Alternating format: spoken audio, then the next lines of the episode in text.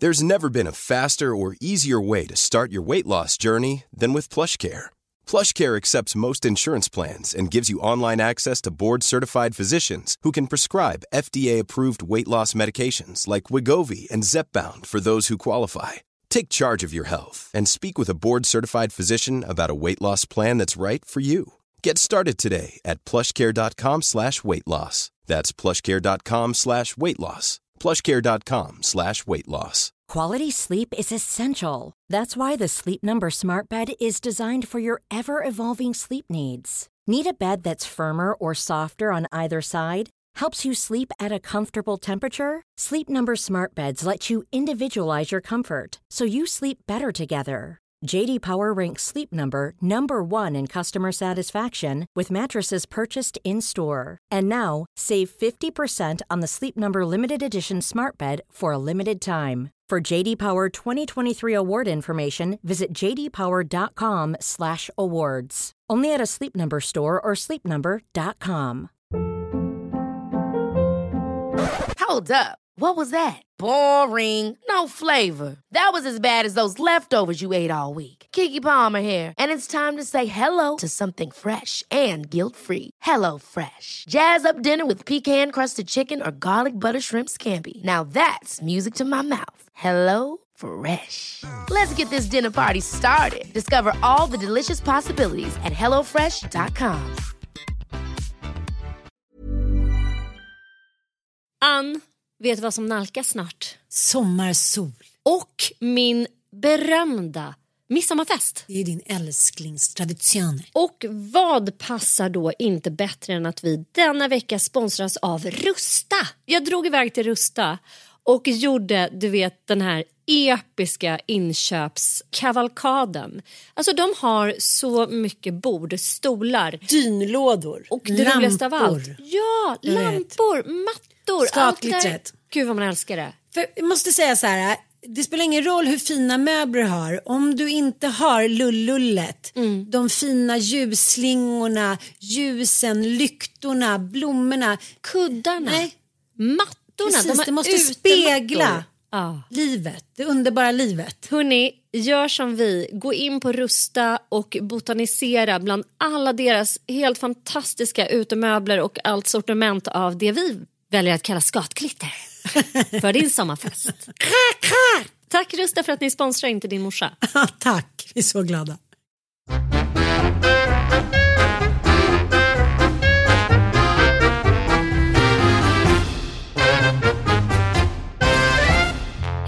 Allihopa och välkomna till ett nytt avsnitt av Inte din morsa.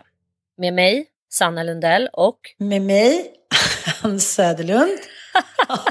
Väldigt formellt helt plötsligt. Ja, men man vet ju aldrig. Vi har ju mycket nya lyssnare. Man känner ju att man ändå vill vara lite liksom, uppstyrd ibland och struckad. Och... Jag måste koka lite kaffe samtidigt för jag är så kaffesugen. Det var skämd mjölk så att jag är så bitter. Men nu kommer mannen hem med lite ny mjölk. Jag är, på sommaren när jag är på landet, då är jag som en eh, kaffejanki.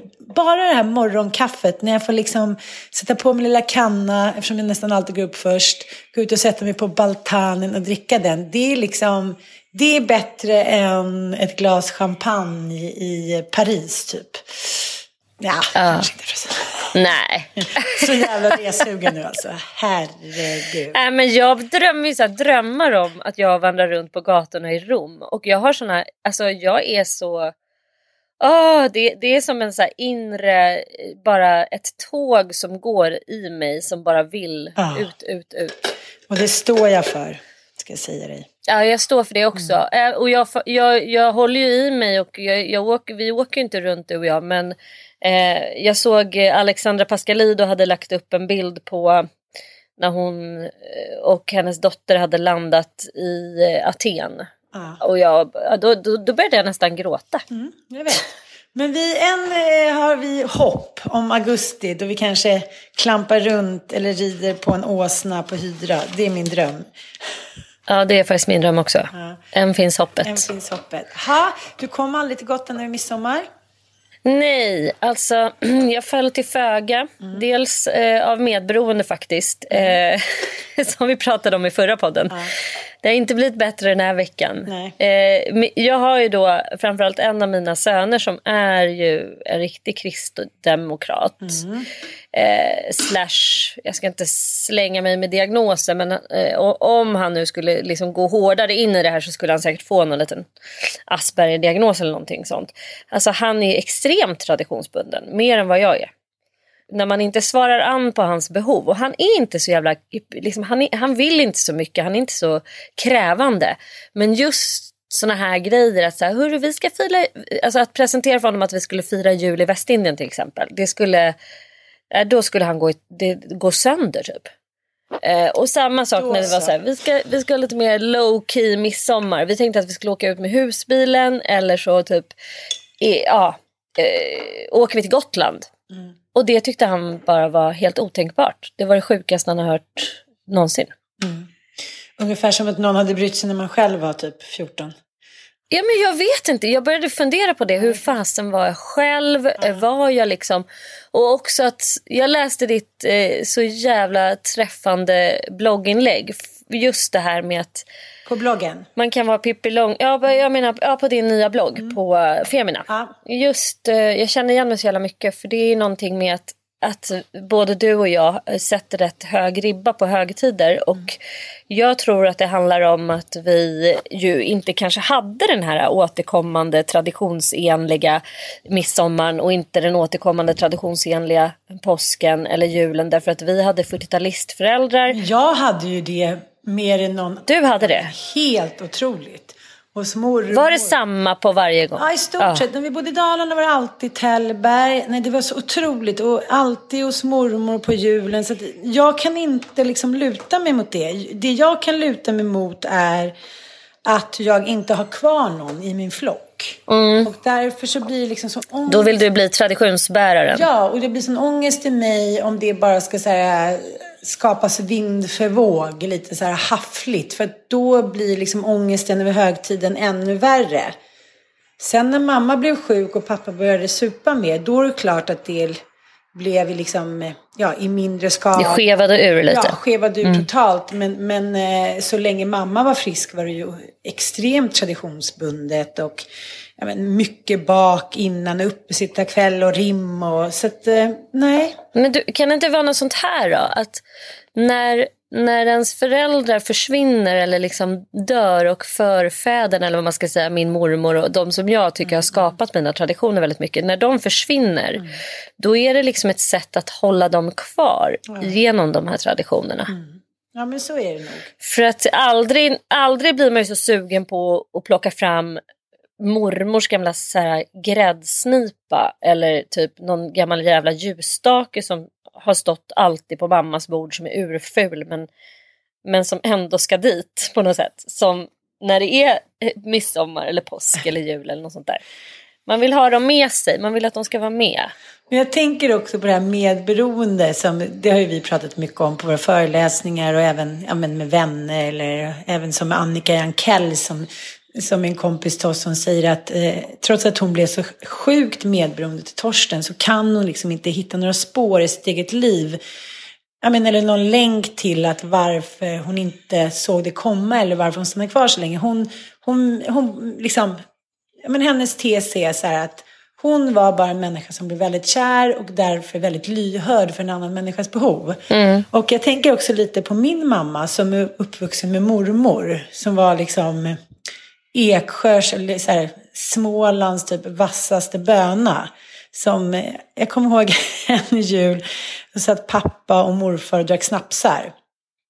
Och blev liksom, ja men på kvällen där, men min pappa visade ju ingen sån respekt gentemot mamma, att han skulle hålla sig nykter på högtider. Men det gjorde ju verkligen morfar gentemot mormor. Och han var heller ingen, ja men ingen man, liksom, de var ingen, inget par som drack på det sättet. De drack sitt lilla hemtrampade vin och någon snaps hit och dit. Men de var väldigt måttfulla, inte kristna eller liksom någonting sånt. Utan det var, de var hårt arbetande människor, då gick det liksom inte att sponka på, så var det ju. Mm. Och då eh, drack morfar och pappa de här snapsarna och blev då på, ja, men liksom på lyset. Och då blev mormor så förbannad. Så då gick hon ut och la sig på finsoffan i vardagsrummet.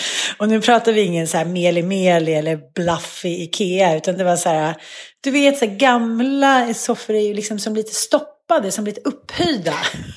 Ja men det är ju också med såna spiralfjädrar. Ja, ja.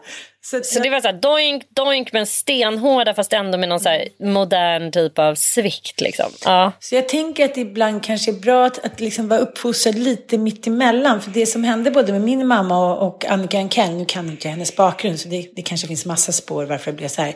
Det är ju att när man inte är förberedd eller inte kan liksom, ska man säga, spegla sig mot den här typen av människor så blir den här typen av man eller kvinna jävligt charmig. Mm. Gränslös, glad, charmig, glad, alltid en fest. Man kan hitta liksom på att det är fest för att en tulpan har liksom slagit ut typ. Och jag kan själv känna igen mig i det att jag, även fast jag har, har vuxit upp så min, min, tidiga barndom var ju, kunde jag inte identifiera att det var så här, att det var så himla konstigt att pappa blev full. För det blev ju alla andra 40-talsgubbar liksom. Mm. Så att eh, jag tänker att man ändå måste prata med sina barn om olika beroenden och människors beteende och att den här gränslösheten kanske ser charm ut på pappret. Och jag bara ser så många relationer på sommaren som man tänker så här, det här skulle aldrig blivit av. Det där skulle ha avslutats långt tidigare. Kanske just på grund av det. Och på det sättet så känner jag så här, då är ju Tinder faktiskt egentligen skitbra. Då kan man ju bara så här sålla. ja, ja. ja, men det är klart. Ja, vi var på en middag här om veckan och då sa den här tjejen att jag är så himla ledsen att jag aldrig, att jag liksom inte hann med Tinder innan jag träffade min man. Jag tycker att det verkar vara så himla himla kul. Du vet att vi har ett litet löfte om att vi ska skapa ja, ett Tinder-konto och liksom un undersöka, ta fram våra journalistskills och undersöka mm. liksom. Mm, vi får se hur det går med det. Mm. Det kanske i sommar det går ta... blir av. Men jag har ju inte, jag har ju aldrig riktigt gillat midsommar för jag tycker aldrig att det, jag vet inte, det har varit mycket liksom. Jag, det är mycket fokus på sponken så det tror jag kan ja. vara en anledning. Men sen också att så här, vad fan, vad är, alltså det finns inga gåvor inblandade i midsommaren Nej. utan det är väldigt matfokuserat. Och jag skulle nog säga att ja, näst efter julen så är väl midsommar kanske den mest så här, mm, vad ska man säga, slav, kvinnoslavsfällan. Oh, för att det ska liksom... Ja men den, den, är, den är sjuk faktiskt. Eh, och det var väl därför jag ville då sticka till Gotland och åka ut i husbilen och bara så här vara vi. Att inte stå och slava.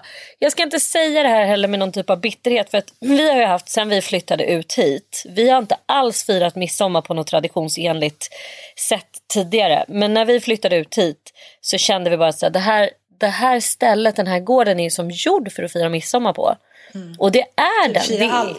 Ja men fira allt liksom. Och det, mm. För det är så enkelt att vara många här och det är så lätt att och liksom, det är lätt att rigga en, en fest här om man jämför med liksom en lägenhet i stan. Eller bara ett ställe som är lite mindre. Så, så på det sättet, det har varit, vi har haft så jävla härligt och det roliga har varit att alla verkligen, alla barn eh, har hjälpt till. Olga kommer alltid ut ett dygn innan och hjälper till med all mat och Igor och Micke de håller på att fixa med alla bord och bygger upp midsommarstången. Och, alltså så här, det är ett fixande som vi ändå har njutit av. Men i år hade vi då tio dagar tidigare gjort Olgas studentfest. Ja. Så, så man ork, jag bara kände så här, jag pallar inte eh, eh, två heltidsdagar till av liksom festfix. Men det fick i alla fall bli ett mellanting och vi eh, hade hit istället för 70 personer som vi hade förra året så var vi nu bara 15 och det kändes ju som en liten så här minikini mysmiddag typ. Ja det var så sjukt. Mickes kusin kom över, James, han bara eh, du sa att det skulle vara så här litet och low key men alltså vad fan är grejen typ? Men det var ju ändå så här, det, var ju, det är det som är fördelen med att hosta 70 pers som vi gjorde på Olga student också. Då blir ju 15 pers en barnlek. Eh, så att, att, laga mat till 15 personer, vi körde också knytis ska jag säga, vilket jag känner bara så här, det här kommer vi, det här kommer vi införa nästa år för att det är så underbart när man har det är inte bara jag som är bra på att laga mat eh, om jag får Nej, slå mig nej. för bröstet utan fan varenda Nej. chef det är ju det eh, bra på något liksom. Ja, Så vi körde ju knutis, det var så jävla god mat. Vi hade så god mat och sen massa vegansk mat och äh, det var bara helt underbart. Jag, ska, eh, jag har skrivit ett stort eh, inlägg på bloggen med eh, midsommarmat och recept på bland annat rosenlemonad, eh, en vegansk sallad med fänkål och belugalinser som bara var helt grym som min eh, brors eh, min brorsas eh, fru gjorde. Ja, men sjukt mycket bra recept så in och kolla där. Det ska jag verkligen göra. Men, men Mm. det är ändå ganska intressant det du säger. Vi firade ju eh, midsommar med eh, ett nytt par som vi har lärt känna. Eh, så här, slumpparet som jag brukar kalla dem. Och nu har vi firat halloween, påsk och midsommar med dem. Oh. Ja, men lite konstigt. Men det här är alltså Karo, en tjej. Hon har alltid fått höra så här, du är så himla lik Ann Södlund. Ni har ju så här samma stil. Om du skulle träffa henne skulle ni bli så bra kompisar. Ja, men du säger de vissa. Ja. Sen har vi träffats slumpmässigt på Miami flygplats och på flyget hem från Miami.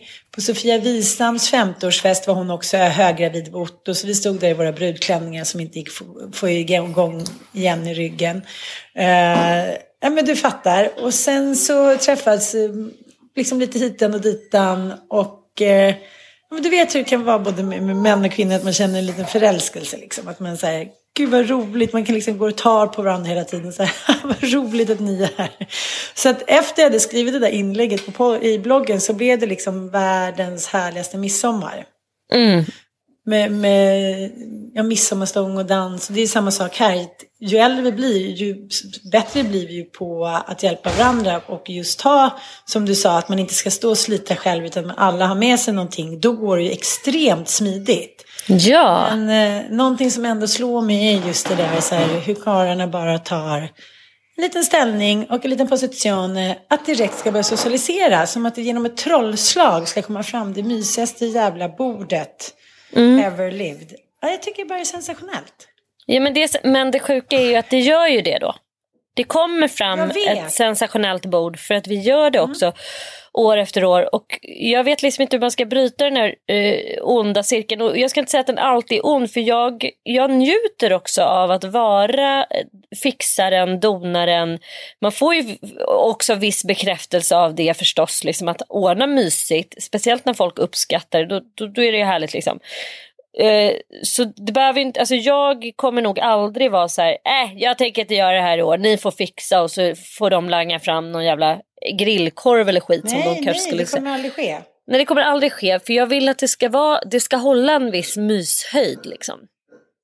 Så dels har man ju kontrollbehov där, att man vill att det ska hålla en nivå. Alltså Micke är ju på fullt allvar så här, han är ju väl lite som Nanook. Jag, när vi pratar om midsommar han bara, ja men visst vi kan bara ha en hemmakväll och kolla på film. Jag bara, men är du helt galen? Nej nej, det ska vi inte ha. Någonting måste vi göra även om det bara är vi fyra liksom, eller fem. Eh, men, men han skulle på fullt allvar kunna käka liksom en leverpastejsmörgås och sitta och kolla på eh, 43 avsnitt av Game of Thrones här som vi har precis börjat senast av alla, sist av alla. Kolla på. Men så, så, så är det och det skulle han, så skulle han kunna göra alla högtider. Och, och så att vet, skulle jag då lämna över och vara så här, nu får du fixa det här, då skulle det ju bli det. Därför vill jag komma in på min första spaning för veckan.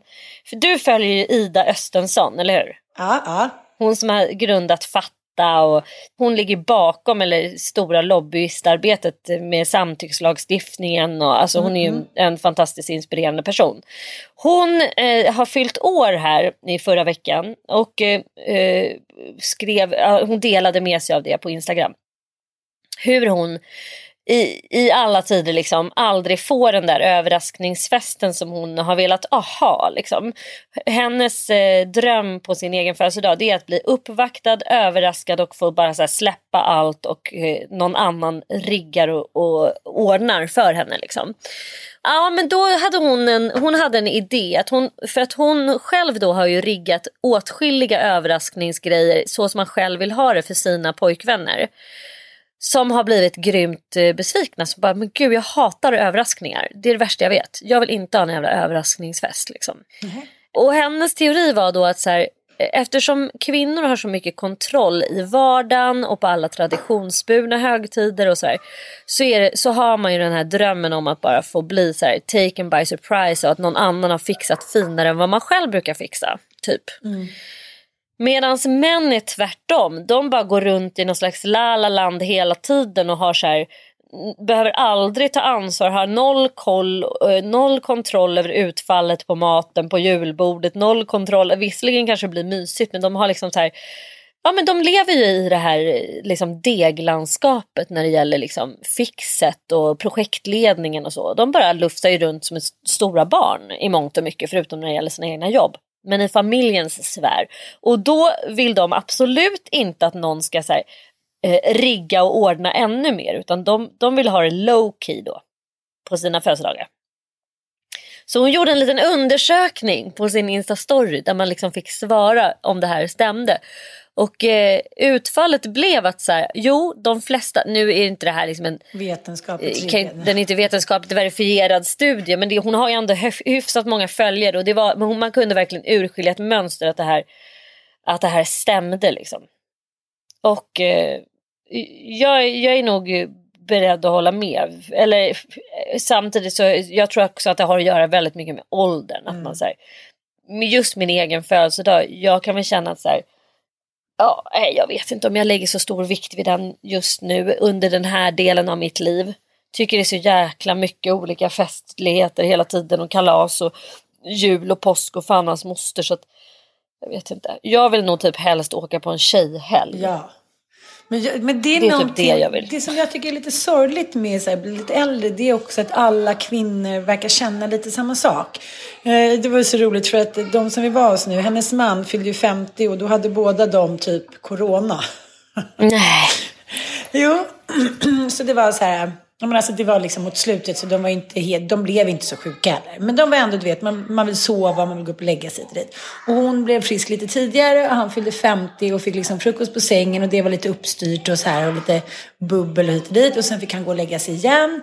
Och sen var det liksom en, en uppstyrd lunch då där hemma och sen fick han gå och lägga sig igen. Och sen kom hans brorsa och skålade med honom genom en typ ut i trädgården.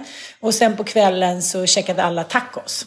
Ja. Och eh, de är ju precis som du och jag, lite hiten och ditan barn och med olika kombinationer hit och dit. Så han var så lycklig. Dels satt alla barnen med under hela middagen för första gången. och sen fick han gå och lägga sig och kolla på, eh, på Netflix. Liksom. Och eh, Karo var så här, men gud det här måste ha varit så deppigt. Liksom, det är 50-årsdag. vi, får, vi får rodda sen älskling. Han bara, det var den finaste födelsedag jag någonsin har haft. Jag kunde inte önska mig något mer. Hon bara, nej. Det är någonting som jag tycker händer också när barnen blir lite, lite större. Att man också märker att man är ganska olik sin karaslok när det gäller sådana här grejer. Hur man själv vill såhär, okej, nu gör vi härligskap, sen har vi inte småbarn längre, nu kan vi göra hiten och diten och, och, och drömmer sig. Medan männen så här går åt andra hållet. De bara, jag är så nöjd med det jag har. Då börjar deras liksom, testosteron gå ner. Jag har inga behov, jag vill kolla på Netflix istället för YouPorn. Att, att det är liksom analys, liksom en analys av det är det som var det viktiga för dem. Medan vi så här, försöker se till att familjen håller ihop, fixar studenter, se till att barnen ska vara på förskolor hit och dit. Och så tycker jag det är så jobbigt att säga det här. För att den här midsommar var exakt likadan som typ alla andra midsommar jag haft. Männen var ute och åkte bil och testade de olika bilarna. De stod i en liten klunga. Ja, de grillade väl lite liksom.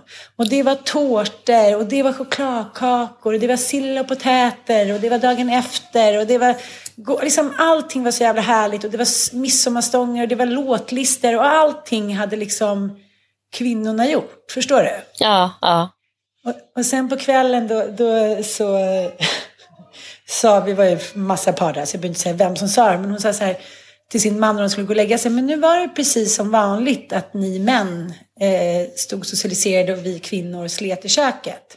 Mm. Men vet du vad hans lilla analys var då? Nej. Men det kanske var så att så här, kvinnorna hade sagt till sina män innan att så här, nu får du verkligen vara trevlig och öppen och socialisera. för det är så jobbigt för dig liksom. Så det var en superansträngning att bara så här, stå och Precis. prata med de andra. Liksom. de mer. Och de, så, så säger Ossian, min son, så här, han, ja, men, ja, du vet ju det, men han fyller 18 så han, gud vad, det var så harmoniskt där, det var så mysigt och ja, men att man slapp hjälpa till och du slapp slava i köket och så här. Jag bara, eh.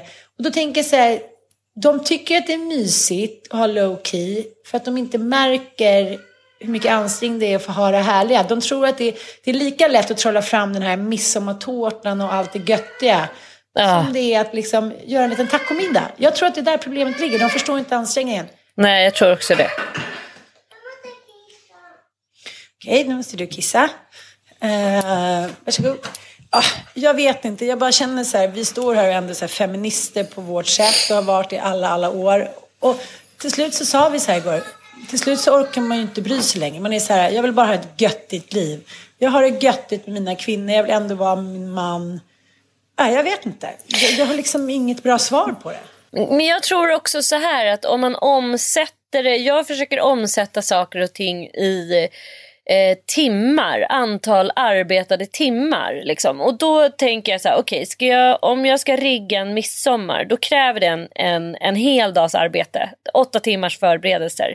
Det ska handlas och sen ska all den här maten lagas och sen ska det liksom riggas och dukningar och grejer. Så det är en hel... Och då känner jag så här, ja men då får antingen någon steppa in ekonomiskt eller låta mig få ledigt sen efteråt. Alltså att man kan kompensera. För som sagt, jag tycker om att göra det här arbetet. Jag tycker det är en njutning, jag tycker om att göra vackert. Jag älskar att liksom surprisa människor med att det är fint. Och att ordna liksom mys. Det är också någon slags så här, man har en liten eh, Vi har ju för fan skrivit en kokbok. Det är klart att vi gillar att laga mat. Vi, vi älskar ju det. Men det är en ansträngning och man blir ju helt utmattad av det. Så att för någon annan kanske midsommar är att man säger åh vi hade en helg av återhämtning. För oss är det så här, åh vi hade en helg av hårt jobb. Det var jättekul men det var hårt jobb. Och då får man liksom bara räkna in sen att sen behöver jag träffa Ann och åka på spa med henne. Det får du betala. Åka till. Aten med henne. Ja, I två månader. Betalt också av våra killar. Men det var ju också det största, första stora sommarbråket när vi kom tillbaka till huset igår. Och, ja, men du vet, man ska få iväg alla på morgonen. Mattias och, eh, och sen kom ju direkt till midsommarfirandet. Mm. Men det ska, ska man få iväg massa ungar och så ska man packa all, för vi hade all mat här. Man ska fixa blommor, en liten present och bla bla bla. Och alla ungar bara härjar runt och drar iväg olika soffor hit och dit. Så när vi kom hem hit så var det så här, sofforna stod ihop. Men påsarna med maten. Alltså, det var inte stökigt men det var liksom lite rörigt. Och då tycker jag så här, vad fan har ni gjort här? Då känner jag bara så här, ja. Men det, det, till, det, till allas försvar är väl att vi kanske inte har koll på varandras arbete. Förstår du? Fortfarande kanske är så 2020 att vi inte riktigt har koll på hur mycket de lägger ner på vissa grejer och vice versa. Det, Vi får bli bättre på att förklara det för. Jag kanske ska börja med en liten dagbok och vice versa. När jag och Nanook var ihop då var vi, gjorde vi den här serien Södern och Bie. Och då tjafsade vi väldigt mycket om ja, vem som gjorde vad och så här. Och då fick vi skriva ner då på små lappar som producenten bad oss göra. Och sen satte vi varje liten lapp som en liten flagga i en chokladboll. Jaha, det kommer inte jag ihåg. Jag såg ju ändå det här programmet slaviskt. Ja, och eh, ja, men då visade det så att jag gjorde ju mycket, liksom många timmar mer, men inte så mycket kanske som jag trodde.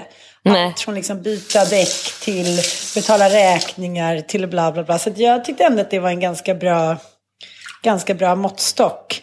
Och sen tror jag också, ju äldre jag blir, så tycker jag ändå att det är jävligt härligt att stå i det där öppna köket med härliga kvinns och snacka och dricka lite vin och men du vet, förbereda lite tårtor och garva. Jag, jag kanske inte vill vara utan det heller. Det kanske är den största komplotten att vi klagar men vi vill, vi vill inte ha det på något annat sätt. Jag måste, jag måste fundera på det här. Ja, vi måste fundera. Nej, men vi, som sagt, det är, det är både en kvinnofälla som sagt, men, men vi kan ju ändå sammanfatta midsommar med att det är hårt arbete. Oavsett om man tycker att det är en kvinnofälla eller inte så är det dagar av eh, hårt arbete. Och det, eh, jag tycker att alla kvinnor, eller alla fixare, för visst det finns faktiskt en och annan karl som eh, roddar och fixar Ja, också. gud, och ja, jag, gud, ja. jag ska inte, alltså grejen är den att Micke, han klipper ju allt gräs, bär fram alla utemöbler, fixade midsommarstången, Igor fixade alla blommor, alla fixar. Och jag tror som sagt man underskattar varandras arbete Eh, väldigt eh, mycket liksom för att man inte har koll på det som du säger. Så man borde väl eh, prova då att gå i varandras skor lite grann. Eh, men också i, i konstatera. Och jag ska säga att den härligaste dagen av de alla dagarna. Det var ju midsommardagen. Fy fan vad vi hade härligt här. Det är ju Ja, så sjukt varmt. Vi bara låg här som så här strandade sälar och bara så här. Äh, det var så, vi hade en så bra dag igår och sen åkte vi och kvällsbadade i Grindsjön och det var, bara vi och ingen höll på och gameade. Vi, spelade, vi har köpt också massa såna här trädgårdsspel, badminton, kubb. Vi hade lite kubbturnering. Äh, det var ljuvligt. Underbart. Dagen efter högtiden är den bästa alltid. Ja, nej, men vi pratade exakt om det igår. Vi bara hängde vid deras pool hela dagen, åt rester, barnen badade. Ja, nej, det var jävligt göttigt. Sanna, Mm. vad har du för bh-storlek? Eh, nej men jag har väl, vad kan det vara, 75B eller något sånt där? Eller? jag vet faktiskt inte. Jag har inte så bra koll på det där om jag ska vara helt ärlig. nej, men det hade inte jag heller. Jag tycker bara det är så konstigt att vi inte tar hand om våra älskade tuttisar lite bättre. Ja, det är faktiskt riktigt konstigt. Alltså sist jag provade en bh, när kan det ha varit? Kanske fem år sedan. Det är så mycket annat som är i vägen på något sätt. Jag vet inte. Ja, men man har ju fullt upp. Liksom. När ska man hinna eh, fixa med en bh-testning seriöst? Liksom? Det är ungar, det är hästar, det är djur, det är barn. När ska man ha tid? Ja, det undrade jag också. Men nu för några veckor sedan så var jag och provade bh hos Lindex. Hos deras bh-expert som hjälpte mig. Och sen dess så har ju både jag och mina bröst en ny kupa och ett bättre liv. Du fattar inte hur skönt det är att inte vilja slänga av sig bhn så fort man kommer innanför dörren. Ah, Händer det? Men nu blir jag sjukt nyfiken. Vad har du för ny size? Men jag har ju alltid gått omkring i mina 70C och tuttarna slängt och dängt lite. Nu visar det sig att jag hade är. Det är ändå fantastiskt att man under ett liv kan ha liksom olika bröststorlekar. Att, de, att det så att säga fluktueras där. Det är fantastiskt roligt. Ja men det är helt fantastiskt. Och också att man kan gå till en BH-expert helt gratis hos Lindex. Alltså det är verkligen fab. Och eh, nu på torsdagen 25 juni klockan sju så är jag alla som lyssnar att hitta, ja men chansen då att hitta den perfekta BHn. Då livesänder jag tillsammans med Lindex från deras showroom i Stockholm. Och då kopplar ni bara upp er på lindex.com och då får ni superbra råd av den här BH-experten så att säga live med oss. Sen beställer du en BH, basic, spets eller lite sommarsyndig. Ah, sommarkyndig, det tycker jag låter härligt. Vad sa du, var det den 25 juni klockan 19? 25 juni klockan 19 på lindex.com. Då får du kolla Sanna. Det kommer jag garanterat göra. Many of us have those stubborn pounds that seem impossible to lose, no matter how good we eat or how hard we work out. My solution is PlushCare. PlushCare is a leading telehealth provider with doctors who are there for you day and night to partner with you in your weight loss journey. They can prescribe FDA-approved weight loss medications like Wagovi and Zepbound for those who qualify. Plus, they accept most insurance plans. To get started, visit plushcare.com slash weight loss. That's plushcare.com slash weight loss. Quality sleep is essential. That's why the Sleep Number Smart Bed is designed for your ever evolving sleep needs. Need a bed that's firmer or softer on either side? Helps you sleep at a comfortable temperature? Sleep Number Smart Beds let you individualize your comfort so you sleep better together. JD Power ranks Sleep Number number 1 in customer satisfaction with mattresses purchased in-store. And now, save 50% on the Sleep Number limited edition Smart Bed for a limited time. For JD Power 2023 award information, visit jdpower.com/awards. Only at a Sleep Number store or sleepnumber.com. Ever catch yourself eating the same flavorless dinner three days in a row? Dreaming of something better? Well, HelloFresh is your guilt-free dream come true, baby. It's me, Kiki Palmer. Let's wake up those taste buds with hot, juicy pecan-crusted chicken or garlic butter shrimp scampi. Mm. Hello Fresh. Stop dreaming of all the delicious possibilities and dig in at HelloFresh.com. Let's get this dinner party started. Hey, it's Ryan Reynolds, and I'm here with Keith, co star of my upcoming film, If, only in theaters, May 17th. Do you want to tell people the big news? All right, I'll do it. Sign up now and you'll get unlimited for $15 a month in six months of Paramount Plus Essential Plan on us. Mintmobile.com slash switch. Upfront payment of $45 equivalent to $15 per month. Unlimited over 40 gigabytes per month. Face lower speeds. Videos at 480p. Active Mint customers by 531.24 get six months of Paramount Plus Essential Plan. Auto renews after six months. Offer ends May 31st, 2024. Separate Paramount Plus registration required. Terms and conditions apply if rated PG. Men nu går vi vidare. Nu går vi vidare. Nu går vi vidare till Patrik Sjöberg och Guldtanden. Mm. Nu har jag, han, jag hamnat i bråk med honom här. Hör du det? Jag tycker att hela, vad ska jag säga? Han, Vi, vi kan väl bara så här, vi talar om för våra lyssnare vad som har hänt. Så här, Patrik Sjöberg, gamla höjdhopparen. Han har ju eh, kommit ut med att han har blivit utsatt för sexuella övergrepp eh, av sin tränare och då bonuspappa som han var under en period. Han skrev en bok om det och eh, var den första idrotts-Sverige som faktiskt eh, outade och satte ord på det här problemet som ju är eh, Alltså det är ju Enormt. Vi, enormt i idrottsvärlden liksom. Det är lite så här, som inom katolska kyrkan att det då bara började poppa upp den ena tränaren efter den andra och det är inte egentligen så konstigt att pedosar söker sig till så här ideella tränarroller där det finns horder av barn. Han var i alla fall den första. Han är också en så här extrem machoman. Han har ju liksom så här tatueringar all over the place. Han har väl haft lite kopplingar till halvkriminella organisationer. Han är riktigt så här eh, gö- görgo götlaborgare som har haft en hel del problem med bosen vad jag har förstått. Han har också nu varit nykter om det är ett halvår eller något sånt där. Men han startade ju också en organisation tillsammans med Elaine Eksvärd. Och ni som vet vem hon är, hon är ju talskrivare och har ju hängt ihop som ler och långhalm faktiskt med Cissi Wallin eh, under metoo-rörelsen. Hon har också skrivit en bok, Det du inte såg tror jag, heter väl den, eller? Var det Ja, Patriks bok som hette det? Ja, hon är också en överlevare, eh, incest, hennes pappa då har utsett henne på Hon olika är ju sätt. retorikexpert först och främst. Ja, och hon sitter ju i, i TV4s morgonsoffa och analyserar alla politikers tal och sådär. Men hon eh, och Patrik startade en organisation som heter Tre ska bli noll, det vill säga eh, tre barn i varje förskoleklass tror jag va, eh, blir utsatta för sexuella övergrepp eller incest enligt de studier som eh, de baserar den här eh, ja, hela sitt arbete på. Och deras eh, mission då är ju att eh, det ska inte vara att en, en, inte en enda unge ska bli utsatt. Eh, och de utbildar bland annat då förskolepersonal och har massor med olika typer av lobbyistaverksamhet och jobbar både förebyggande men också rent praktiskt. Tre ska bli noll heter organisationen som hon då tillsammans med Patrik Sjöberg eh, driver. Och Patrik har du startat en podd tillsammans med en kille som kallas för Guldtand. Mm. Han har blivit känd i, från Ullared om jag har förstått rätt. Ja, någon typ av dokusåpa-kändis, någon profil då från Göteborg på något sätt. De har startat en podd och den är rätt intressant och halvkul tycker jag. Men eh, de har då gått igång på eh, ett gäng strippor som, det började med att de här stripporna inte fick vara med i Pride-paraden i Göteborg. För att man ansåg då, arrangörerna tyckte att de hade olämplig klädsel. Eh, Och det här störde ju sig Patrik Sjöberg. Eh, Strippklubben heter Chat Noir tror jag i Göteborg. Och de här, Hachette noir.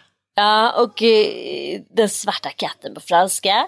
Och de här stripporna har då gått ut och, och, och protesterat mot det här. Att det får gå då så kallade läderbögar som har så här gagballs i munnen och piskor och skit. Men de får inte s- gå runt med sina strippkläder. Och de är också... Bra noterat tycker jag då. Ja, det, det, det tycker de är, är så här, varför får inte vi? Och de vet väl inte om vi är lesbiska eller Alltså vi, vi vill i egenskap av yrkeskvinnor få göra oss hörda vi också liksom. Och därför så bjöd de in, eller de, de gick till Chat Noir och hade då ett samtal med stripporna. Vi kan väl lyssna lite grann på den här podden så att ni får ett hum om vad det var som hände där. Patrik Sjöberg. Jag är Patrik Sjöberg. Jag är Patrik Sjöberg. Trevligt! Då har vi fått en presentation på alla. Lite stelt där i början, men jag tror Ja, vi kommer, vi kommer ja, värma upp det, här. det är inget farligt. Det, det blir kanon. Eh, då kan man ju undra lite då vad fan jag ska fråga nu. Vem, vem ska du stoppa micken hos? Ja, men det, det löser vi. Ja, okej. Ja, men, Nej, eh, nej, jag, Vi, eh, Jag ser, ni har ju varit aktiva själva på eh, våran Instagram-sida bland annat. Där har det ju varit väldigt eh, rått klimat. En del har ju skrivit väldigt konstiga saker och det är väl ganska naturligt då att fråga för det verkar väl vara många som har blandat ihop koncepten. Eh, det kom direkt in på den lyckliga horan. Jag vet inte riktigt hur Vad hände sen då? Jo, men sen var det så här att jag kan också, jag tror så här att Patrik Sjöberg eh, lierar sig med feministen Elin Eksvärd. Han tycker nu att han har liksom carte blanche när det gäller att få uttala sig om feministiska frågor. Mm. Och det finns väl olika anledningar till. Men han säger själv att han har haft en livskris och druckit mycket och kanske inte har, är så påläst lite. lite. Men, men att man liksom lierar sig med en feminist betyder ju inte att man är älskad av alla hur som helst. Nej. Så han tyckte väl efter den senaste tidens vad ska man säga, manifestationer med både Black Lives Matter och eh, ja, men Paolo Roberto. Ja, men det har ju varit en jävligt galen vår när, just när det kom sådana här frågor. Då tyckte väl han att han och Guldtand också skulle dra sitt strå till stacken Mm. och bli samhällsdebattörer och på något sätt utbilda svensken att säga det finns eh, ja, grupper, minoriteter, subkulturer som också borde få komma till tals. Mm. Men problemet är, då undrar jag så här, ett, varför tog du inte med dig Elaine då? Till den här klubben? Det hade ju varit en bra idé. Och två, förbered frågorna innan du åker dit istället för bara sätta er där med, och köra någon livepodd med mickar och tjejerna blir skitosäkra. Och då tycker jag, det som jag tycker är det stora problemet är att de hamnar igen i en försvarsposition. Fast hans tanke var ju säkert att de skulle få stå fria då och eh, ja, det blir ju ändå ett försvarstal att de, så här, ska för, de får försvara liksom torsken, de får försvara killarna som kommer dit. Men sen så när det blir en kritisk fråga då visar det sig som genom en handvändning att ja, det är många som har tafsat, det är många som vill betala för extra sex, det är många. Så att, eh, jag blev bara väldigt, väldigt, väldigt illa berörd av hela den här podden. Sen blev det ju inte bättre av att Guldtand skulle börja dansa någon eh, native american dans utklädd till då en native american. Det, blev liksom rörigt och då är det såklart att feminister ger sig in i det här. Det får man ju bara räkna med, vare sig man heter Ann Söderlund, Sanne Lundell eller Patrik Sjöberg. Och Nina Rungs bland annat då. Och eh, jag märker ju på Patrik Sjöberg att han hamnar ju i chock. Han har ju inte alls väntat sig det här. Han tycker att han gör en samhällsinsats. och Han vill ju ha liksom guldmedaljer och applåder. Och så vänder sig liksom eh, alla emot honom. Så säger han så att han skiter i det här. Men han är ju så besatt av det här så att jag har ju aldrig sett något liknande. Hela hans liv går ut på att försvara sig. Han är ju helt galen. Ja, hela hans liv går ut på att så här, hänga ut Nina Rungs och hennes man. Eh, alltså han, han blir ju helt, han, han går ju i sånt hårt försvar som en skadad hund liksom. Och eh, vad tycker du? Jag har ju varit ganska öppen med att åsiktskorridoren är för alldeles för trång när det gäller eh, metoo och vad, alltså Nina Rungs och kompani. Nina, Nina Rungs är ju kriminolog och jag älskade när hon kom som ett alternativ till Leif GW Persson och fick uttala sig om olika typer av krimfall med en feministisk approach. Men jag är rätt tveksam till att hon och hennes man de dels livnär ju sig på eh, att vara då så feminister och eh, driva olika typer av organisationer som ju, eh, de, de här organisationerna de drivs ju med medel som de söker, alltså statliga medel på olika sätt. Liksom. Så de har ju också en försörjnings, eh, vad ska man säga, eh, hela deras försörjning går ju ut på att vara så här, eh, feminister som tycker till om allting. Och jag tycker att Patriks grundtanke att låta minoriteter själva få prata om vad de erfar och eh, vad de tycker om eh, sina arbeten är väldigt intressant. Precis som när du och Anita bjöd in den här för detta eh, prostituerade tjejen som kunde berätta om det från sin, hon som verkligen har varit med om det. För Nina Rungs har aldrig strippat, hon har aldrig sålt sex, hon har aldrig befunnit sig i de här då så kallade mörka delarna av samhället. Så jag vill liksom inte höra henne moralisera över det heller. Så är de alltid så väldigt noga med att nej vi, vi dömer aldrig tjejen. Vi är aldrig emot dem som strippar. utan det är torskarna, de som kollar på det, de är så hemska och hitan och ditan. Men eh, till syvende och sist så blir det ju ändå tjejerna som blir väldigt Precis. stigmatiserade och dömda av den där approachen som de hårdfört eh, liksom, eh, ja men så jävla hårdnackat bara så här kör så hårt. Så att jag, jag tycker liksom att båda har begått eh, eh, fel, eh, eller vad man ska säga. Jag tycker Nina och hennes snubbe bara chill down. De behöver inte hugga på allting. Och, här, och, och eh, de menar ju att Patrik glorifierar strippyrket genom att låta de här tjejerna få prata. Och det känner jag bara Nej, nej, nej, nej. löjligt. Det, det gör han verkligen. Då har hon inte lyssnat på podden. För jag tycker inte alls att det är Nej, något det glorifierande. Eh, utan de här tjejerna, även om de då, så här, feministerna han- de, de agerar väldigt mycket och uttrycker det som att så här, de här tjejerna har inte riktigt förstått vad de är med om. De har liksom inte riktigt fattat det. Man måste utbilda dem till att förstå sin egen utsatthet och sin egen position och sådär. Och det känner jag också är jävligt så här, att sätta sig på höga hästar. Det här är vuxna kvinnor som eh, arbetar med det här, de ser sig själva som dansare. De, vi lever också i en värld som är extremt sexualiserad och eh, en kultur och ett samhälle som bygger på att vi säljer varor väldigt mycket genom att sexualisera kvinnor. Så att eh, det blir liksom ett hyckleri utan dess eh, motstycke tycker jag. Och eh, sen tycker jag ju naturligtvis att det var extremt klantigt och extremt provokativt. Det är jag mer upprörd över faktiskt att, att eh, Guldtand, att de inte förstår att det är så två män som sätter sig med intervjumickar. Könsmaktsordningen existerar, det kan vi vara med om. Så att liksom ska, man, ska man intervjua ett gäng strippor, då är det faktiskt en kvinna som Ja. ska göra det tycker jag. Så absolut, ring upp Elaine när man har liksom full access till Elaine Eksvärd. Då hade Patrik i alla fall kunnat ringa upp henne och säga vad ska jag fråga dem om? På vilket sätt ska jag jag intervjua menar. så att det blir schysst? Jag tycker liksom? hela idén, är, jag ser, det är som du säger, jag kan inte jämföra med vare sig vad du och jag gjorde efter Paolo Gate eller vad jag och Anita gjorde. Men det som vi kanske, dels har vi vår, eh, ska man säga, vi är ju kvinnor och därför har vi rätt att göra det tycker vi. Men dels så satte ju vi röster mot varandra och det är väl det man måste göra. Om de hade haft några killar där som hade varit de här killarna som hade erbjudit tjejerna eh, kan vi betala och få lite mer privat sex efteråt. Då hade det också blivit en bild om varför de ser kvinnor som varor. För det är ju det som är problematiska med allting som har med sexuella tjänster att göra.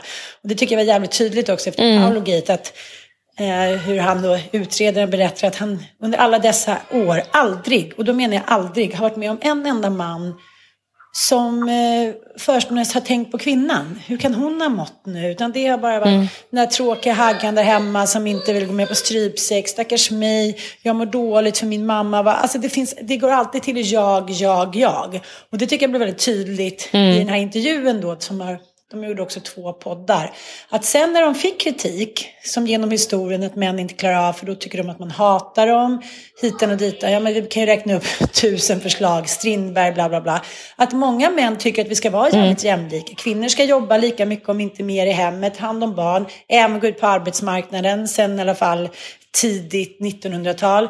Men sen när det kommer till sexuella tjänster, då ska vi liksom gasa på lite extra. Då ska vi vara liksom pigga och kåta och eh, ah, haka på där. För annars är vi liksom torra, tråkiga och eh, ja, ogina om man ska säga så. Strindberg, läs på lite om Strindberg. Hans jävla kommentar om halvapor och ogina tjejer och muttern är för stor för skruven och fan hans moster liksom. Och det här gäller ju väldigt många män i historien att det finns ett sånt stort ego hos män så att när man faktiskt ger dem konstruktiv kritik så är det som att de blir små 13-åriga pojkar och tar så illa vid sig. Och det är ju det samma sak som har hänt här. Och Elaine gick ut på sin blogg, Elaine Eksvärd. Och de, hon tycker att de är bra kompisar och lärt varandra mycket. Det är klart, de, är, de föreläser jättemycket tillsammans och har skapat det här initiativet. Hon gillar ju Patrik Sjöberg. Så det handlar inte om det. Men hon skrev bara sin blogg att jag eh, tar avstånd från det han har gjort med podden. Men jag gillar honom som person. Nej, men det skulle hon ju inte ha gjort.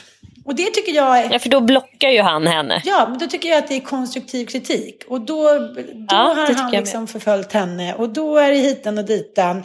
Och då ska han blockera henne. Hon är så här, men vad fan, vi är ju vänner. Det är ungefär som jag skulle vakna upp en dag och du hade blockerat mig för att vi hade olika åsikter om någonting.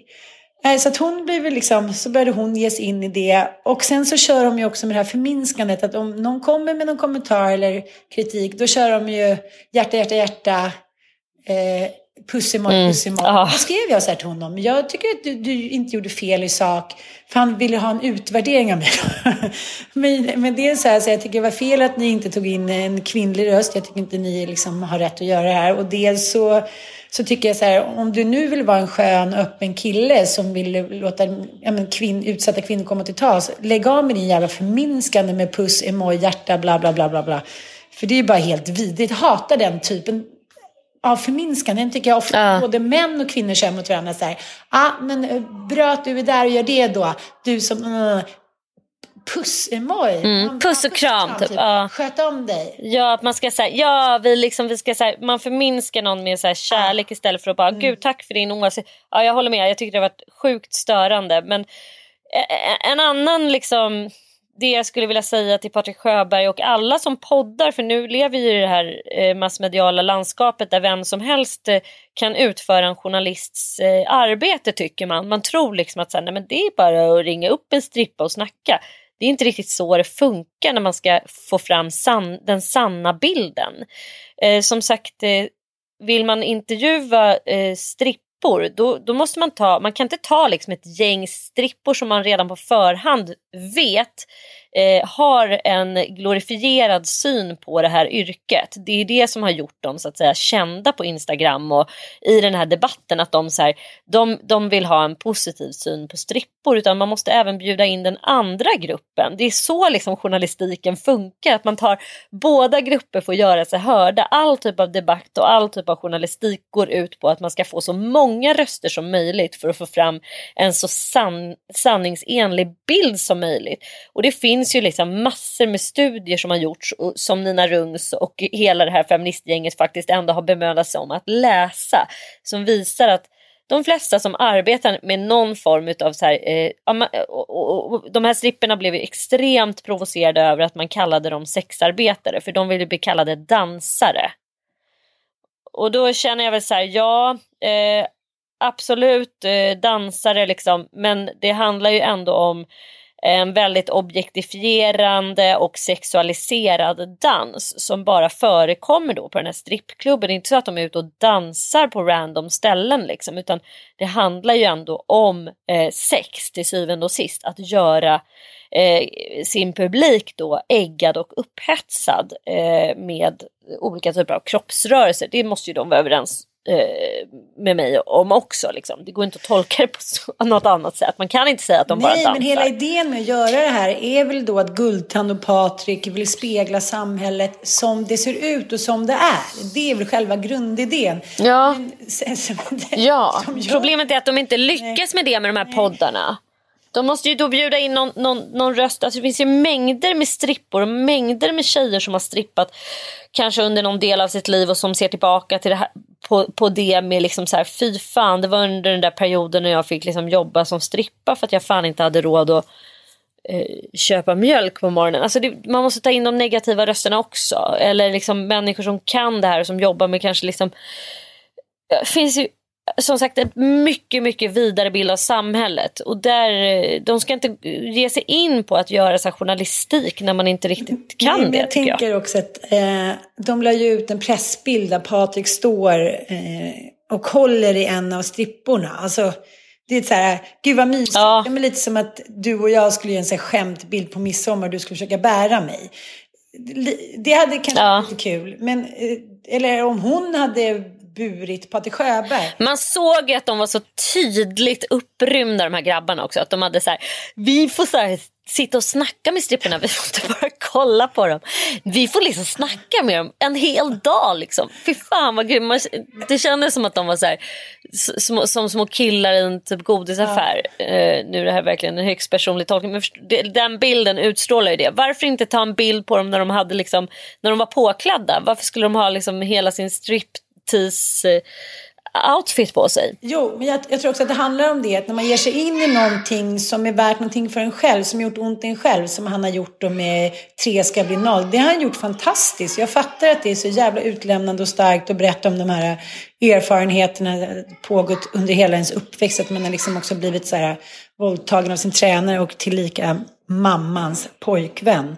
Men, men man måste ju också, så här, om man ska ge sig på andra samhällsdebatter så måste man ju sätta sig in i på samma sätt. Att man måste utgå från sig själv. Inte, jag tycker när, när de gör det här eller visar eller håller kvinnorna i, så här, i, i greppet, så här, vi män, vi gillar brudar typ. Då blir det ju ändå dels en nedvärdering och dels att man tittar på kvinnor med samma blick som män har gjort i tusentals år. Och då gav du ingenting, då måste han ju få kritik. Alltså, eller de. Mm, ja, men kan vi inte bara avrunda det här avsnittet med att säga, och det tycker jag man kommer fram till alltid att äh, människan är inte ond eller god, vi är både och och man kan vara helt fantastisk i ett sammanhang och kanske mindre fantastisk i ett annat. Och eh, om man nu ska eh, vara en offentlig person så kanske man gör klokt i att så här, nu har han jobbat med tre ska bli noll. Det var väl en skitbra initiativ där han gjorde verkligen bra ifrån sig och människor älskade det han gjorde och han har gjort jävligt mycket för väldigt många. Eh, låt oss inte då så här, hugg, halshugga honom bara för att han har liksom gjort bort sig i ett annat sammanhang. Jag tycker dessutom inte att han har gjort bort sig så jävla grovt som, som Nina Rungsvill får, eh, får det till riktigt liksom. Utan så här, nu gjorde han något som kanske inte var så här superklint. Eh, men eh, han kan väl få hämta hem för det och fortsätta med sitt goda arbete. Eh, tänker jag. Och eh, så är det väl för de flesta av oss. Ibland gör man fel och ibland eh, så gör man fantastiska saker. Det är bara så vi är. Mm.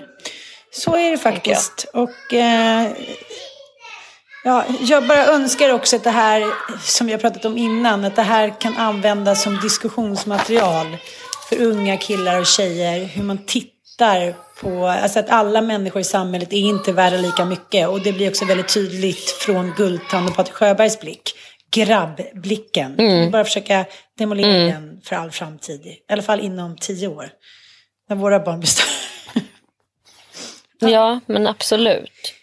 Ja. Du, innan vi avslutar så vill jag också eh, att ni som lyssnar ska veta att jag och Ann har nu cirka 900 böcker kvar. Vi sålde 100 böcker tror jag eh, efter vår senaste podd.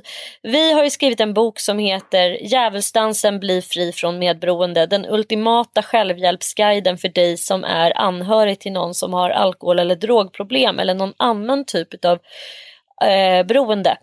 Eh, den här boken skrev vi ju efter att vi eh, hade gjort dokumentärserien Djävulsdansen som handlar just om hur det är att vara anhörig.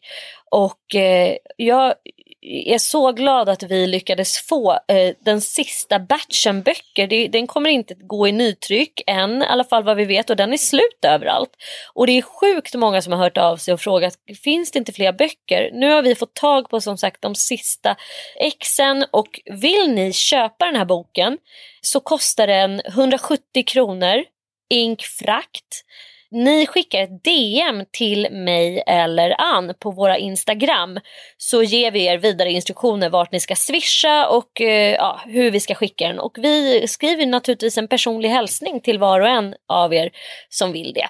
170 kronor, skicka ett DM. Ni får då en faktiskt en faktaspäckad, eh, faktiskt underbar bok. Jag är så stolt över Djävulsdansen. Den, all den forskning som finns om både beroende och medberoende sammanfattat tillsammans med våra personliga eh, erfarenheter och berättelser ur livet. Den är en väldigt härlig och fin bok. Och sen har vi även den 7 eh, september startar vi vår eh, studiecirkel tio gånger framåt. Och det är flera som anmält mig och många har frågat också om om vi kan starta en onlinegrupp. Och det kan vi ju såklart. så att eh, gå in på Facebook eller DMa oss så får ni information om eh, prissättning och var och här det här blir. Så att eh, ja, det här ska bli skitspännande i höst. Men som sagt den fysiska, eh, vi har ju en fysisk cirkel när vi kommer ses tio gånger i Stockholm.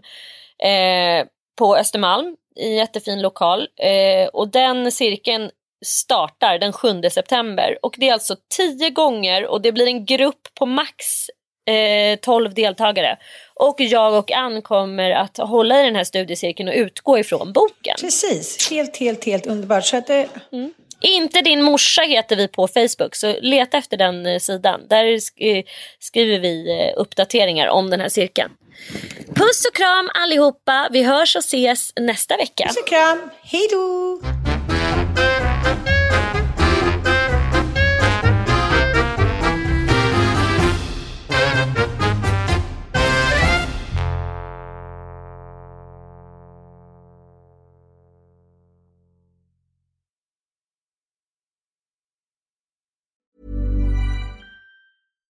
Hi, I'm Daniel, founder of Pretty Litter. Cats and cat owners deserve better than any old fashioned litter. That's why I teamed up with scientists and veterinarians to create Pretty Litter. Its innovative crystal formula has superior odor control and weighs up to 80% less than clay litter.